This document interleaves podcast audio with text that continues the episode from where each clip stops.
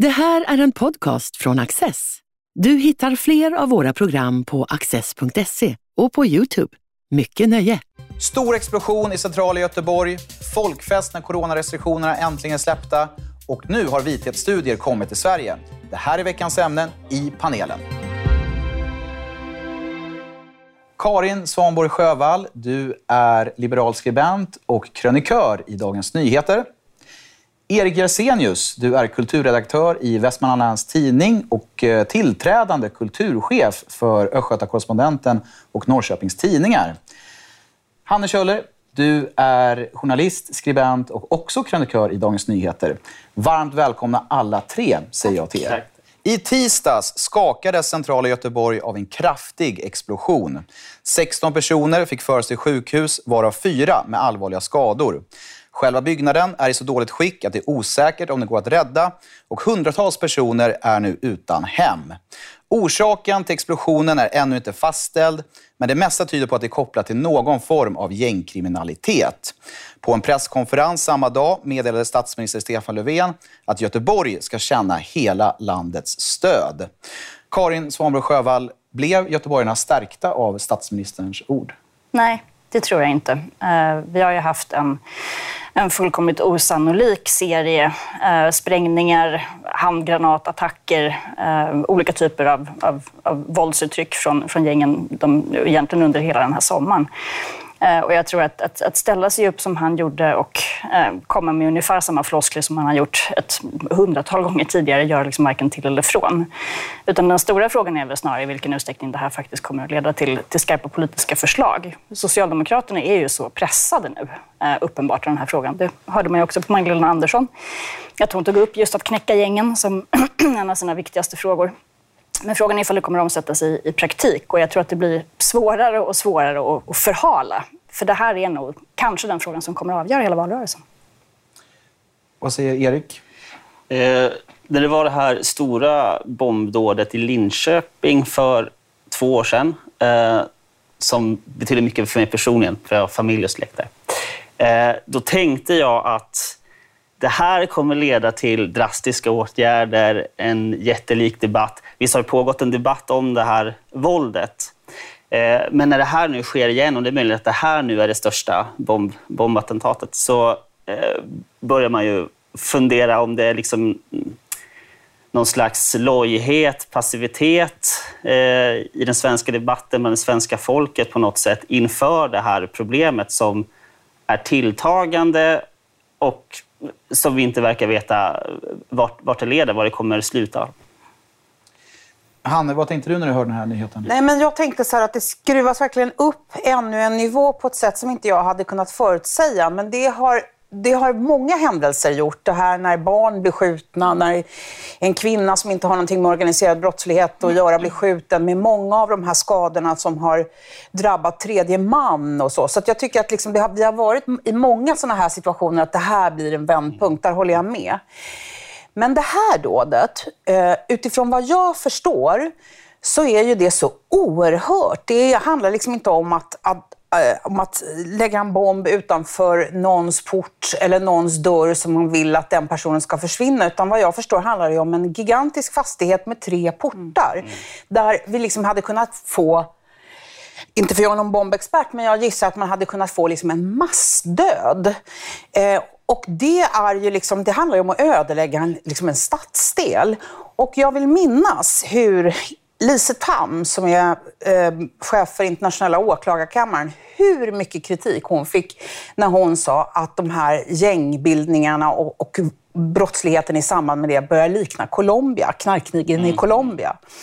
Också mot det ska vägas då statsminister Stefan Löfven som för bara ett par år sedan sa vi såg det inte komma. Och jag tycker att det är beklagligt att det här att människor som tidigt varnar för en utveckling blir, liksom, det blir nästan drev mot dem. De blir liksom jagade. Lise Tams uttalande blev ju en nyhet i Ekot och på eh, SVTs nyheter för man tyckte det var så oerhört att någon kunde säga detta. Um, så att, det tänker jag. Och sen så men jag, jag, jag, jag vet inte, jag är kanske naiv. Men jag tror fortfarande att det kan bli en förändring. Det går inte att knäcka gängen som Magdalena Andersson sa vid sin presskonferens i, i torsdags eh, på det sättet att nu gör vi en sak och sen är det borta. Utan jag tror att det handlar om en otroligt lång process. Mm. Eh, men, och där man måste, man måste slakta några heliga kor som man har gjort i Danmark. Eh, som liberal är det ju naturligtvis eh, hemskt att säga att jag tycker att man ska ha kameraövervakning som man har i England vad jag förstår, där man kan liksom följa en gärningsman. Var han än rånar kan man liksom i princip följa honom hela vägen hem, var han än bor. Mm. Men typ en sån sak med eh, övervakning som, som, vi, som jag kanske för tio år sedan skulle ha argumenterat emot. Nu behövs det liksom någonting. Nu får, vi, nu får vi betala priset för att få någon typ av bukt med det här.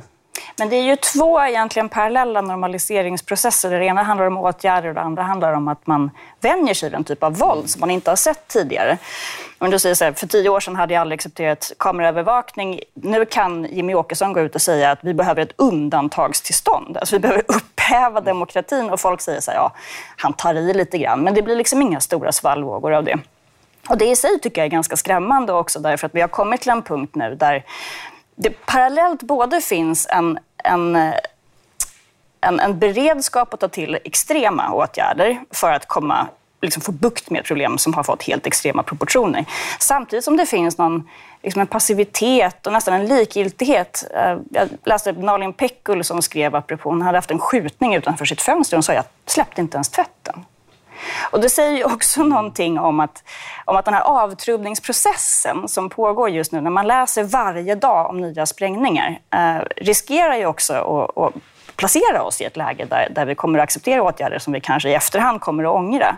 Men som vi inte hade behövt hamna i om man hade vidtagit de här åtgärderna tidigare. Fast jag, jag tycker att det ändå, jag tycker inte det stämmer riktigt med den här normaliseringsprocessen för våldet. Därför att först när liksom ett barn blev skjutet och en oskyldig flicka, tänkte jag, ja, ett fall liksom. Men jag tycker att de är så det går så fort och, och kliven är så gigantiska så att jag tycker inte att ja, ja, men så här har det ju alltid varit. Och det här med att Nalin Pekul inte reagerar när hon hör ett pistolskott utanför fönstret. Ja, hon bor i Tensta va? Eh, jag tror att både du och jag skulle reagera om eh, huset bredvid oss sprängdes eller om vi hörde ett pistolskott. Så att jag tror att det har blivit en normalisering för de som har levt i det länge. Men nu vidgas ju den kretsen och, liksom på något sätt, och det går ut även i mindre samhällen. Förut var det ju liksom ett storstadsfenomen. Så att nu, jag, jag tycker inte jag har blivit tillvand. Jag tycker att jag blir liksom chockad varje gång. Över, liksom, inte över en skjutning längre, men över just de, de här, liksom den här upptrappningen. Men visst är det så att eh, det har varit en viss relativisering kring de här brotten just därför att de har drabbat eh, medborgare i vårt samhälle som inte eh, tillhör gräddan eller makten eller närheten till den. Och, eh, och nu ser vi det, som du säger, nu ser vi att det kommer allt, allt närmare medelklass, överklass. Och frågan är liksom om... För jag får en känsla av att vi också har tappat bort en eh, vi-känsla i Sverige här, eller någon slags solidaritet, gemenskap, där man har känt att så länge det här våldet sker långt borta från mig och jag klarar min vardag, då är det ett relativt problem. Och nu, möjligen är det så att det kommer, kommer så nära inpå så att vi kommer få se det tydligare i, i opinionen och i debatten. Men, men den här närhetsprincipen gäller ju liksom allting. Yep. Att, att ett jordskred i Västerås yep. eh, berör mig mer än ett jordskred yep. i Colombia. Så, att, eh, så jag tror absolut att du har en poäng. Mm. Och, men jag tror också att människor, när man har gått ut och frågat människor som bor i de orter där det skjuts mest, liksom, vad, vad skulle ni vilja? Vill ni ha en visiteringszon? Mm. Eller så här? De är ju otroligt positiva generellt sett till ingripanden för mm. de vill ha ett slut på det, för de yeah. lever i det. Och sen är det vi som sitter här och skriver i liberala eh, tidningar som tycker liksom, nej, det är för mycket övervakning. så att, ja, det, yeah. det, har ju också varit en klyfta i det. Mm. Eh, vi ska alldeles snart gå vidare till nästa ämne, men innan vi gör det så skulle jag ställa en fråga. Man hör ju då, har hört från politiskt håll att de allra flesta, eh, det, här är, det drabbar väldigt få det här våldet. Oskyldiga människor drabbas väldigt sällan det, det argumentet, det, det, känns som att om det nu någonsin har varit giltigt, men att det blir svårare att säga det när det, när det är en kraftig explosion mitt i Göteborg. Hur, hur tror ni retoriken kommer att ändras från politiskt håll? Om den kommer att göra det? Jag tror inte att det går att göra det längre. Därför att det är så uppenbart att det helt enkelt inte rimmar med människors uppfattningar. Eh, om man tar just den här eh, handgranatattacken som var för någon vecka sedan, där, där liksom rubriken var att en familj som levde... Det var ju dessutom i fel lägenhet som de hade mm. kastat in den här handgranaten. Och så, de hade änglavakt, den studsade mot någon soffa, annars hade liksom hela den här familjen dött. Mm. Och jag tror just att den här känslan av att det kan hända vem som helst, när som helst och att det just inte är ett förortsproblem utan, utan att det finns en typ av brottslighet idag som, som visar en samvetslöshet och en urskiljningslöshet också i sin våldsutövning som, som eh, eh, som gör att jag tror att, att, priset politiskt för att relativisera det på det sätt man har gjort tidigare eh, kommer vara för högt för att det ska vara riktigt möjligt att fortsätta.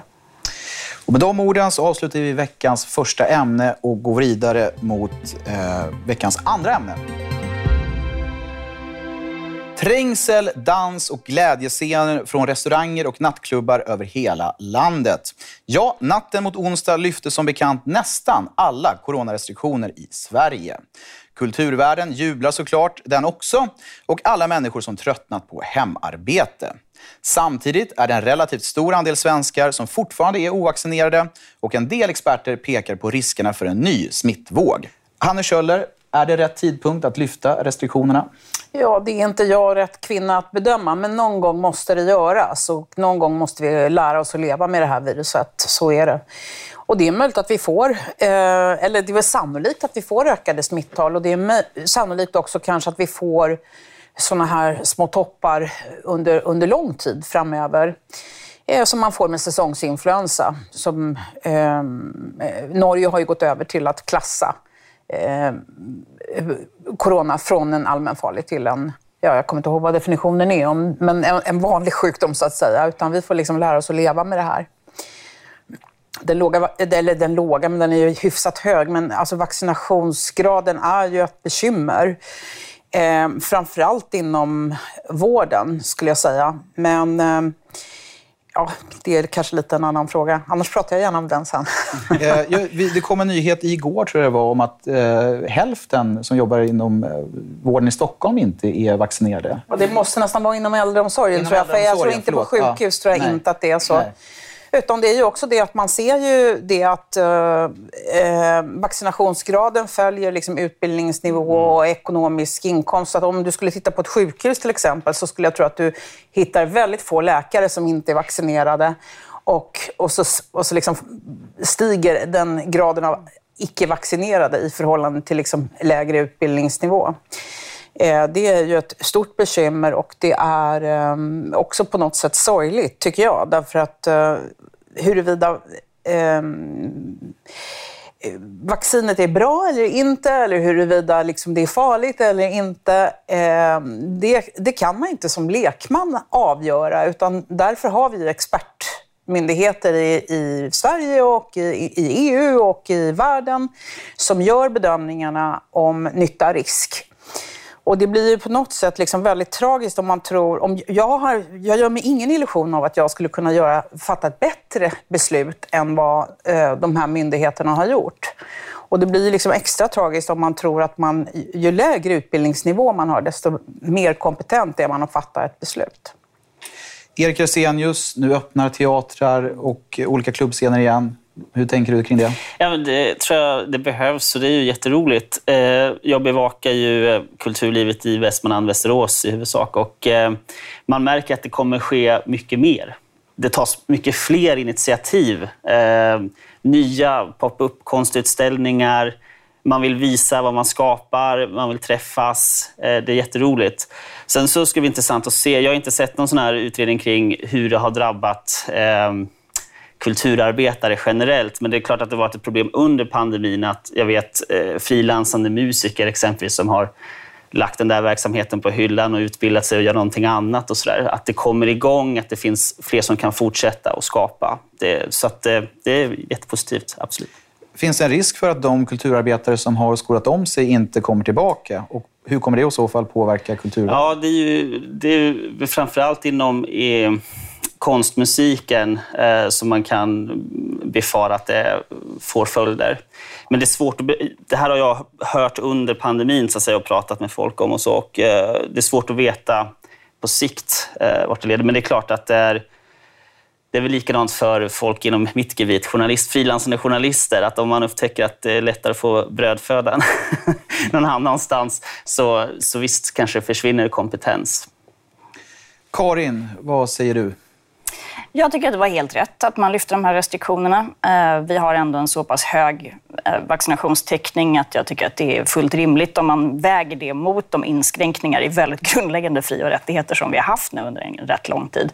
Så kan inte jag se att det är försvarligt att, eh, att, att hålla dem på plats längre. Så det tycker jag var ganska okomplicerat. Det har ju också varit rätt mycket av en icke-händelse, får man säga. Det har ju varit mycket medieuppståndelse kring vad som skulle hända det här första dygnet och sådär. Och det har varit lite fulla ungdomar. Eh, det har vi sett förr. Eh, men eftersom vi inte haft en hård lockdown så, så är det klart att det inte kanske har blivit en folkfest på samma sätt som, som det har blivit i Norge. Det som jag tycker är svårare handlar väl mer just om, om avvägningar kring hur man ska göra för att skydda ändå den numera ganska lilla grupp som faktiskt är sårbar. Alltså de här diskussionerna just inom vården eller äldreomsorgen. Eh, om, man ska, om man ska ha någon typ av krav på att ha en, fått en vaccination för att faktiskt kunna, kunna umgås i vad som i praktiken är människors hem.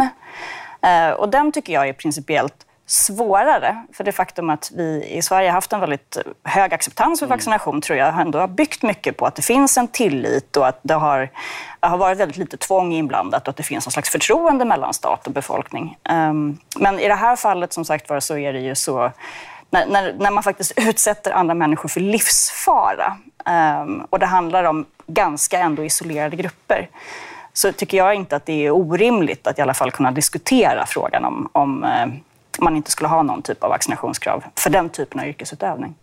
Anne, du jobbar ju också inom vården. Vad tänker du kring den här frågan om huruvida arbetsgivaren kan kräva att man ska vara vaccinerad? Jo, jag vill liksom verkligen poängtera att jag skulle liksom demonstrera mot ett, regelverk som säger att man ska gå hem till människor och trycka in en vaccinationsspruta i deras armar.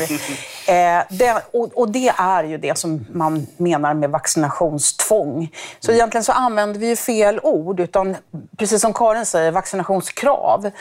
Och då är det så att det är ingen mänsklig rättighet att få arbeta inom vissa yrken. Det är ingen mänsklig rättighet att bli nyanställd inom vården. Och jag har väldigt svårt att se hur det här ens kan vara en fråga.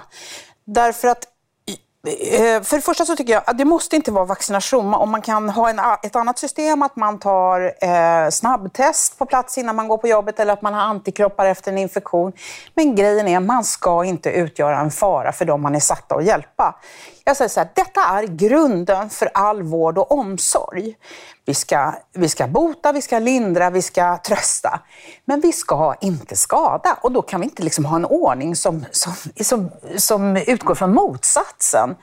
Eh, det, det, det, tycker jag är liksom, jag förstår inte hur det kan vara en fråga. Och jag har fått mejl från människor som eh, berättar på 70-talet, jag vet inte om det var smittkoppor eller vad det var då, men i alla fall att man om man var statligt anställd så blev man underkastad vissa vaccineringar.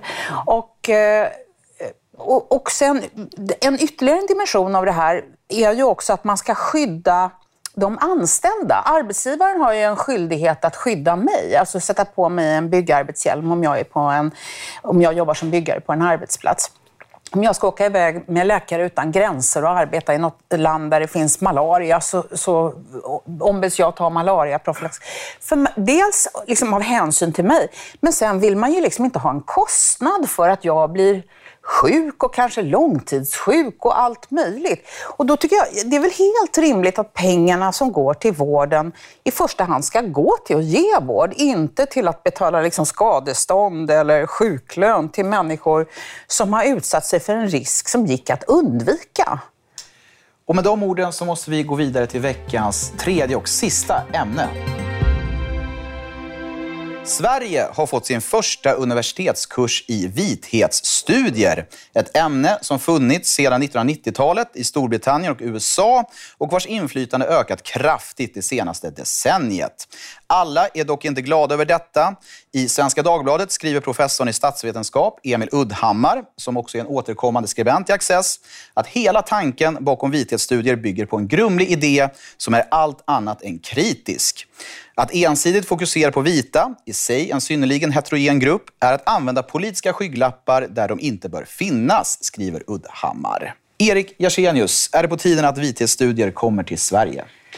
Man kan väl säga så här att eh, alla studier som bidrar till kunskap är, eh, är välkomna. Eh, jag tänker när Baldwin skrev sina böcker på 50-60-talet och beskrev hur, hur man blir skapad som svart i USA så hade det ett stort, ett stort värde. Vad innebär att underordnas utifrån din hudfärg, utifrån din etnicitet? Det här det jag kan ha försökt sätta mig in i det här så, säga, så, så, finns det problematiska inslag. Vad jag förstår så att det här tar fart på 90-talet, i alla fall så som diskussionen har sett ut i USA, det är mycket att eh, den amerikanska vita arbetarklassen röstar på Reagan under 80-talet och det här blir liksom någon kortslutning i eh, vänsterakademiska kretsar. Eh, och där ser man väl en förskjutning som jag också tycker vi har sett när det gäller den här frågan kring Black Lives Matter. Där studier, amerikanska studier som pekade på att eh, fattigdom, social underordning på andra sätt än etnicitet var avgörande för att bli utsatt för polisvåld. Eh, de försvann, åtminstone i, svenska, eh, i det svenska samtalet. Att det finns en förskjutning här där man eh, slutar att titta på den typen av socioekonomiska faktorer eh, och vill hitta vitheten eller rasismen som en, som en ny fiende eller eh, ja, som en ny fiende gentemot sitt, sitt politiska projekt. Karin, vad tänker du? Jag tänker att jag inte riktigt förstår poängen med själva ämnet som sådant. Eh, I alla fall eftersom det så ofta är när, frågorna formuleras så finns det liksom från början ett sånt oergivet svar. Och det kan jag tycka är ett, liksom ett, ett, ett grundproblem i en akademisk disciplin. Det är, inte så, det är inte så undersökande om man säger så. Men jag tycker inte att frågeställningen som sådan är problematisk eller irrelevant. Det finns ju, tycker jag, en ganska slapp föreställning ofta om att här, problemet med det här är bara att det är vänster och därför så ska man inte ställa frågan överhuvudtaget. Mm. Men har du läst J.D. Vance Hillbilly Elegy eller om du läser Erik Kaufman, som ju för all del är kontroversiell, men, men som ju liksom ändå har bidragit med pusselbitar i en förståelse för varför just stora politiska förskjutningar har skett och vart de har skett, så tycker jag absolut att det är frågeställningar som man kan se från en mängd olika håll som kan vara viktiga pusselbitar för att förstå vår samtid. Men, men varför man inte skulle kunna använda sig av de frågeställningarna inom sig sociologin eller mm. statsvetenskapen är för mig, är för mig oklart. Utan min, min främsta kritik mot det här handlar om att jag inte tycker att det riktigt uppfyller de grundkriterier för en akademisk disciplin som vi bör ställa. Och, och hur skulle du formulera de grundkriterierna? Nej, men som ju till en början handlar om att, att, att syftet med, med vetenskapligt sökande handlar om att införskaffa ny kunskap. Um, och att det bör finnas en, en förutsättningslöshet. Även om du har en idé om vad det är du vill undersöka, förstås. Ehm, så, så, så för mig blir det en kortslutning eh, i, i frågeställningar som så uppenbart leder till ett rent cirkelresonemang där hela poängen med övningen är att du ska kunna bekräfta det du har kommit fram till från början. Hanne, vad tänker du om det Karin nej, men Jag håller med Karin i nästan allt. Eh, nej, men jag tycker också det att en, en, bra, en god definition av forskning det är att både ett, liksom, så att säga, ett positivt och ett negativt resultat är intressant. Mm. Och om man bara tycker att ja, men jag vill bara ha det resultatet, men då är det ingen bra forskning. Jag har skrivit en bok här nu om nonsensforskning. Och eh, jag kan säga så här, jag förstår inte heller riktigt ämnet, jag förstår inte riktigt poängen, men jag kan samtidigt säga att det finns ju väldigt mycket kritik nu mot genusforskning och jag kan ändå säga att jag tycker också att det finns eh, intressanta frågeställningar om hur könsroller konstrueras, hur de vidmakthålls och så vidare. Och jag kan tänka mig att det finns det också i det här ämnet. Om det behövs ett eget ämne, det, ja, jag, jag förstår inte det riktigt, precis som Karin. Eh, men jag skulle också vilja säga att, eh, alltså, att det är ju snarare detta, det, min invändning är ju snarare liksom, vilka frågeställningar är det man försöker få svar på? Är det frågeställningar där ingen är intresserad av svaret, alla redan vet svaret innan? Eller eh, där det bara är liksom en mikrostam som är intresserad av svaret? Och är det liksom skattefinansierad, kamouflerad eh, aktivism eller är det forskning? Är det forskning så har jag inga problem med att se att, eh, att man forskar inom det här fältet. Bo Rothstein reagerade väl ganska kraftfullt för några år sedan när ett liknande försök att starta den här typen av studier skulle införas på Göteborgs universitet, om jag minns rätt. Erik, var det så? Ja, det är riktigt. Han kallade det för kränkthetsstudier. Då. Ehm, och där eh, Eh, var ju en viktig poäng hos honom var ju att, eh, att judar är en överrepresenterad och mäktig grupp så att säga, eh, inom det akademiska livet. Eh, vad leder det att börja ställa frågor kring det? Eh, att utforska det. Vad, vad, innebär det? Vad är det för maktställning? Ja, vi har sett tidigare i historien vad, vad den typen av resonemang kring att skildra en grupp, ett, ett kollektivt på, på ett visst sätt leder till. Eh, så det var väl en, en mycket relevant eh, poäng i det här. Just det här med alltså att, eh, att samla en grupp eh, heterogena individer och tillskriva dem olika egenskaper eller en viss eh, maktställning. Eh, du nämnde också bakgrunden till eh, hur det här forskningsfältet uppstod eh, tidigare. En tanke som slog mig är ju att USAs historia är ju ganska annorlunda jämfört med Sveriges historia. Finns det en risk då att det vill säga, hudfärg har spelat en annan roll i USA än man har gjort i Sverige? Blir det risk då att de här idéerna så att säga, förs över rakt in i den svenska kontexten och därmed eh, ja, leder fel, så att säga? Um, alltså, eftersom jag inte vet vad det handlar om så är jag kanske inte rätt person att svara. Men jag tänker att även om deras historia är helt annorlunda än vår eh, så är det ju ändå så att det finns ju liksom rasism i Sverige och det finns ju en vithetsnorm som säger att liksom vit är överordnad andra färger och det finns ju en hierarki och det finns ju också precis det som Emil Uddhammar skriver också att det finns ju också Eh, eh, vad ska vi säga, överordnad, synen på överordnad och underordnad inom, mellan andra färgkonstellationer. Um, så att, eh, jag menar, det finns säkert frågeställningar som är relevanta att ställa för i det svenska samhället. Det kanske inte är samma som i det amerikanska. Jag tror nog att det är ett problem ändå att det här ofta är direktimporter från en anglosaxisk erfarenhet som ändå har ganska lite bäring på, på det svenska samhället. Även om det förstås finns rasism här så blir det ju väldigt mm. konstigt även med sån här Eh, liksom postkoloniala teorier och så vidare som ju, som ju liksom bygger på, på föreställningar, problematiska föreställningar men som, som ju har, har liksom noll kontaktytor egentligen med, med den svenska historien. Men utifrån ett principiellt perspektiv så är väl det stora problemet att många av de som forskar inom det här fältet är ju, är ju helt öppna och ärliga med att de tycker ju att det är ett problem att vi har kommit till en punkt när de säger att vi har fått ett, ett, ett färgblint samhälle. Eh, och jag menar, I min bok så är ju det ett enormt framsteg. Alltså det är ju snarare något eftersträvansvärt att vi har kommit till en punkt där vi försöker låta bli att sortera människor, där det finns ganska starka normer ändå kring att, att man inte ska göra det. Även om det bor smygrasister i de flesta så, så har vi ändå på något sätt kommit överens om på kollektiv nivå att det här är inte något positivt.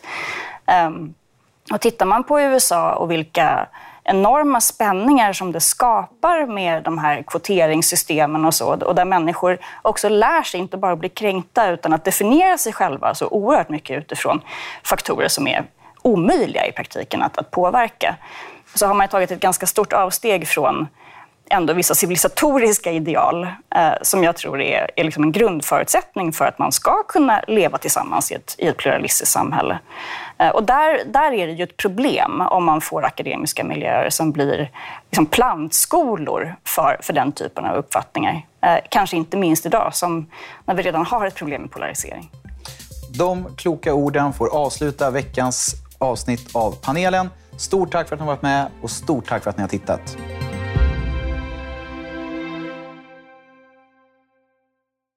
Du har just lyssnat på en podcast från Access. Du vet väl att vi också är en tv-kanal och tidning? Teckna en prenumeration idag på access.se.